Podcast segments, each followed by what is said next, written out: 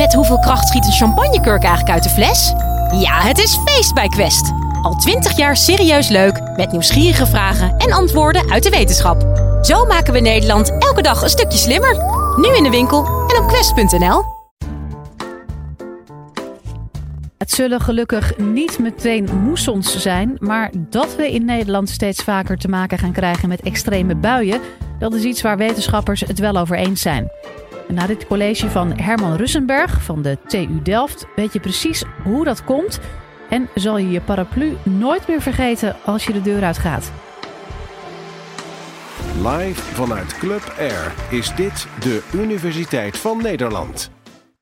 Laat ik eens beginnen met de weerbericht. Morgen krijgen we veel regen. Niet overal. Westen van het land vooral strenge buien of zware buien. In het oosten van het land kans op een zonnetje erbij. Dit soort weerberichten van extreme buien in de toekomst, of veel variatie van weer over het heel Nederland, kunnen we misschien de toekomst veel vaker gebruiken of gaan krijgen. De hamvraag is eigenlijk van hoe vaak kunnen we dat krijgen en waarom eigenlijk? Waarom kunnen we straks meer, als de aarde warmer wordt, meer extreme regen krijgen? Vinden jullie dat het vaak regent in Nederland? Ik zeg nee. Het regent vrijwel nooit in Nederland. Als je alle regenbuien in Nederland achter elkaar zet, kom je niet meer dan vier en vijf weken per jaar uit. Dat betekent 47 per week per jaar hebben wij gewoon mooi weer in Nederland. We klagen wel, vinden we leuk, klagen wel over het weer, maar dat kan vooral omdat we vaak bewolking hebben, het er vaak grijzerig uitziet. Maar regen, weinig. We hebben ongeveer 800 mm per jaar. Ga je naar andere gebieden op de wereld, India, meer de tropen, kan je sommige plekken wel een paar meter regen per jaar hebben. Dus meer dan ik lang ben. Dat is veel meer regen. Dus je kan gelijk van waarom in een warm klimaat meer regen zouden kunnen verwachten. Hoe warmer het is, hoe meer waterdamp er in de lucht kan komen. En wat omhoog gaat, komt ook wel een keertje naar beneden.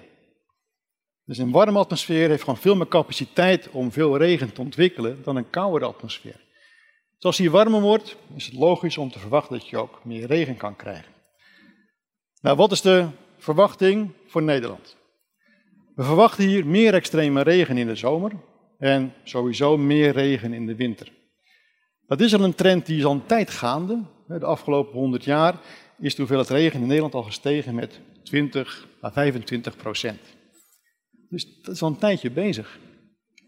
We kunnen ook verwachten dat in het huidige klimaatsysteem met de verwachte temperatuurstijging nog eens een keertje 25% extra krijgen aan extreme regen in de zomer. Dus er zijn belangrijke, belangrijke getallen. In Nederland sinds 1900 is de regenval langzaam aan het stijgen. Ook hier weer veel variatie per jaar. Dus één droge, droog jaar maakt nog geen uh, droge, droger klimaat. Ook één nat jaar maakt nog geen natter klimaat. Ook hier weer klimaat is een langjarig gemiddelde, maar de trend is duidelijk. We krijgen meer regen. Niet alleen in Nederland, ook in India is dit een groot probleem. De moesson in India bijvoorbeeld is aan het veranderen. we zijn ook uh, bezig met Indiaanse collega's om er onderzoek aan te doen van wat zijn er precies de trends daar. Wat ze in India gezien hebben, is dat de moesson grilliger aan het worden is. Hij komt niet meer steeds op dezelfde tijd. Hij begint soms wat eerder, soms wat later. Hij verplaatst zich naar andere gebieden van het land. En dat is belangrijk voor India zelf, want regenwater is ook drinkwater. Is belangrijk voor mensen zelf. Al die meer regen. Is dat nou zo erg voor ons? Is dat nou echt een probleem of kunnen we daar makkelijk mee omgaan? Dit kan erg zijn, want behalve klimaatverandering is er nog iets anders aan de hand. Dat is urbanisatie. We verwachten dat binnen 30, 40 jaar 70% van de wereldbevolking in een stad woont of vlakbij een stad woont. Steden bestaan uit steen en steen absorbeert regenwater heel erg slecht. Dus dat betekent als je veel regen krijgt, dat je nu ook veel, veel, veel eerder gevoelig bent voor overstromingen in de stad. Dus daar moet je mee om kunnen gaan. Hoe extremer het wordt overal, hoe meer je je voor moet bereiden op dit soort uh, fenomenen. Tegelijkertijd is er ook een spiegelbeeld, namelijk geen regen. Je kan ook verwachten, als je meer extreme regenbuien hebt, dat dan de tijd tussen twee regenbuien wel eens droog zou kunnen worden. Erg droog. Droogte is net zo erg als te veel regen, misschien nog wel erger. In grote steden, in India of China gebeurt het al vaak dat het zo heet is in een droge periode. Verleden jaar 50 graden in een stad. Dat is echt geen pretje, daar kan je lichaam echt niet mee omgaan. Maar dat gebeurt steeds vaker. Dus ook daar zie je dat er behoefte is aan goede informatie, goede voorspellingen van ja, wat kunnen we eigenlijk gaan verwachten? Wat kan er gaan gebeuren? Luchtvervuiling in zo'n situatie als het heet is, wordt een groot probleem. Want regen, behalve drinkwater, is ook een schoonmaakmiddel. Het spoelt de lucht schoon. Dus een tijd geen regen, veel viezigheid, veel smok, veel luchtvervuiling. Niet goed voor de volksgezondheid. Dus we willen die regen graag goed begrijpen. Nou, hoe ontstaat regen? Hoog in de wolken zit ijs. Die ijskristallen, hoog in de atmosfeer, dwarrelen een beetje naar beneden. Terwijl ze dat doen, kunnen ze groeien omdat er ook waterdamp in die atmosfeer zit. En waterdamp kan neerslaan op het ijsdeeltje. Er kan ook vloeibaar water in de buurt zitten, waardoor het nog harder kan groeien. En hoe harder dat groeit, hoe eerder het naar beneden kan vallen. En op een gegeven moment bereikt het een hoogte waar de temperatuur van de lucht 0 graden is. En daar smelt het in regen. Dat is het meest voorkomende principe van regenvorming hier in Nederland.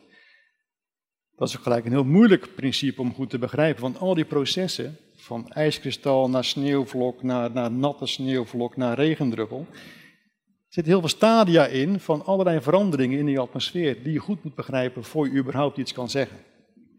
Ik heb een voorbeeld van wat er in Nederland is gebeurd en wat er vaker kan gaan gebeuren. Dat is namelijk 2012. In 2012, januari 2012, uh, was er een uh, hele natte week in Nederland. Waarbij ze in Groningen uh, extra dijkbewaking moesten instellen, want die dijken begonnen te lekken. Er was zoveel water gevallen dat de dijken verzadigd waren en het water van de kanalen en de rivier door de dijken heen begon te sijpelen en eigenlijk was men bang voor overstromingen. Dat is een interessante week, die hebben we dus goed uh, geanalyseerd. Dat is namelijk dat het front wat er aankwam parallel liep aan de Nederlandse kust. Als je dan kijkt naar het bijbehorende weersysteem, dit is satellietmeting van dezelfde storm. De storm heet Uli. Wij geven ook namen aan stormen in Europa, niet alleen in eh, andere gebieden van de wereld. Die storm die heeft zijn kern wel in uh, het noorden van de Noordzee, maar die staart ervan ging parallel tegen de kust van Nederland aan. Dat had interessante gevolgen. Een van die gevolgen was bijvoorbeeld de zeespiegel. Wat gebeurt er namelijk als een storm aankomt? Er zit heel veel water in. Er zit ook variatie in tussen hoge drukgebieden en lage drukgebieden. Dat drukt het water een beetje naar beneden. Als ik hier water naar beneden druk, komt het daar omhoog. Het moet ergens naartoe. Dat kan leiden tot spontane pieken in de zeespiegel van meer dan een meter. Dat heet een meteo-tsunami, wordt dat genoemd. Gelukkig kwam die terwijl het app was. dus je hebt eigenlijk weinig last gehad. Zou die een paar uur later zijn gekomen, tijdens de vloedpiek, ga je over de dijken heen.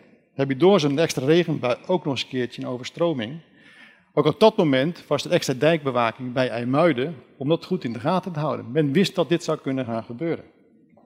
Hoe zag die regenbui eruit? Het hart van de regenbui, noemen wij een squall line. Het is een smalle band van regen, met heel veel regen erin, die als een, als een rood lint over de zee trekt. Hij komt dichter bij de kust. Zodra hij boven land is, breekt hij in stukken, want boven land heeft hij meer wrijving met het landoppervlak zelf. En daarna vertrekt hij naar Duitsland, is hij vertrokken. Hij kwam dus ook het midden van het land, recht over Cabau, ons observatorium, waar we al die apparatuur hebben staan om goed te kunnen meten wat er nou precies gaande is, wat er gebeurde. Dus wat zie je gebeuren? Er komt groot geweld, komt daar wind naar beneden, een grote turbulente golf.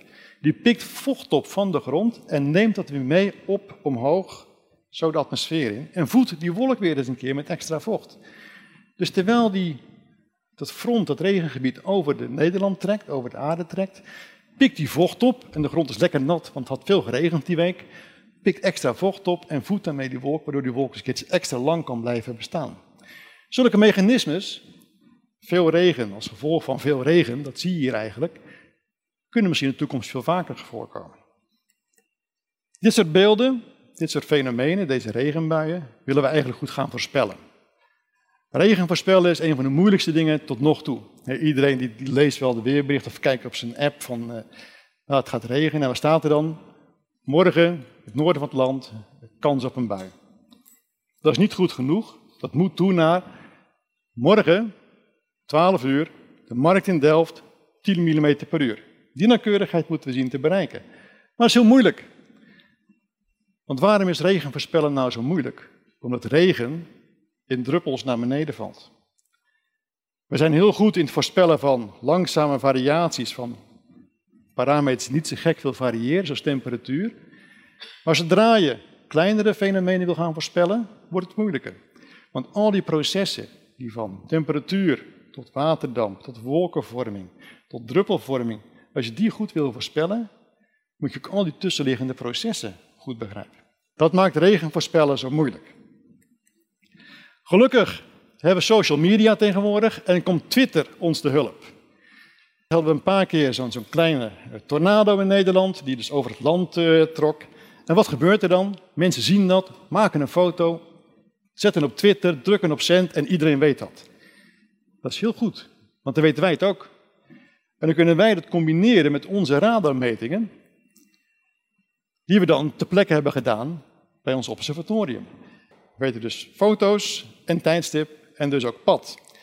Tegelijkertijd kun je dat ook combineren met de radarmetingen op diezelfde posities.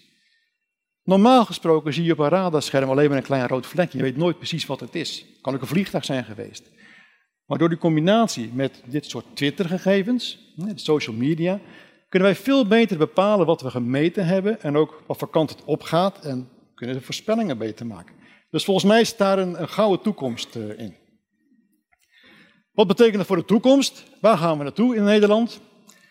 Ik verwacht dat we in Nederland willen we onze steden uh, goed wapenen tegen extreme regen. We niet alleen moeten vertrouwen op de weerradarsystemen die we nu kennen, zoals bijvoorbeeld de buienradar. Die is niet goed genoeg. Je moet toe naar kleinschalige systemen, die hoge resolutie veel nauwkeuriger kunnen meten wat er gebeurt. Tegelijkertijd moet je dat dan zetten in elke stad zelf. Dus elke stad, Amsterdam, Rotterdam, Den Haag, Utrecht, moet zijn eigen radarsysteem krijgen. Wat komt eraan? Want het begin is al gezet. Rotterdam heeft onlangs zijn eigen radarsysteem gekocht om dit soort metingen nauwkeuriger te doen, om de overlast door neerslag in de stad beter te kunnen begrijpen.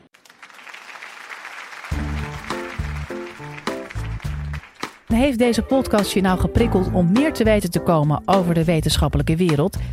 Maak je borst dan maar nat, want de Universiteit van Nederland komt met een nieuwe podcast genaamd Lableven. Deze zomer reizen we door heel het land om 14 unieke laboratoria van 14 verschillende universiteiten te bezoeken. Iedere woensdag hoor je de ins en outs van wat er speelt in het lab. Maar ook wie de wetenschapper achter het onderzoek is. Want wetenschappers zijn tenslotte ook maar gewoon mensen. We luisteren nu onze nieuwe podcast Lab Leven.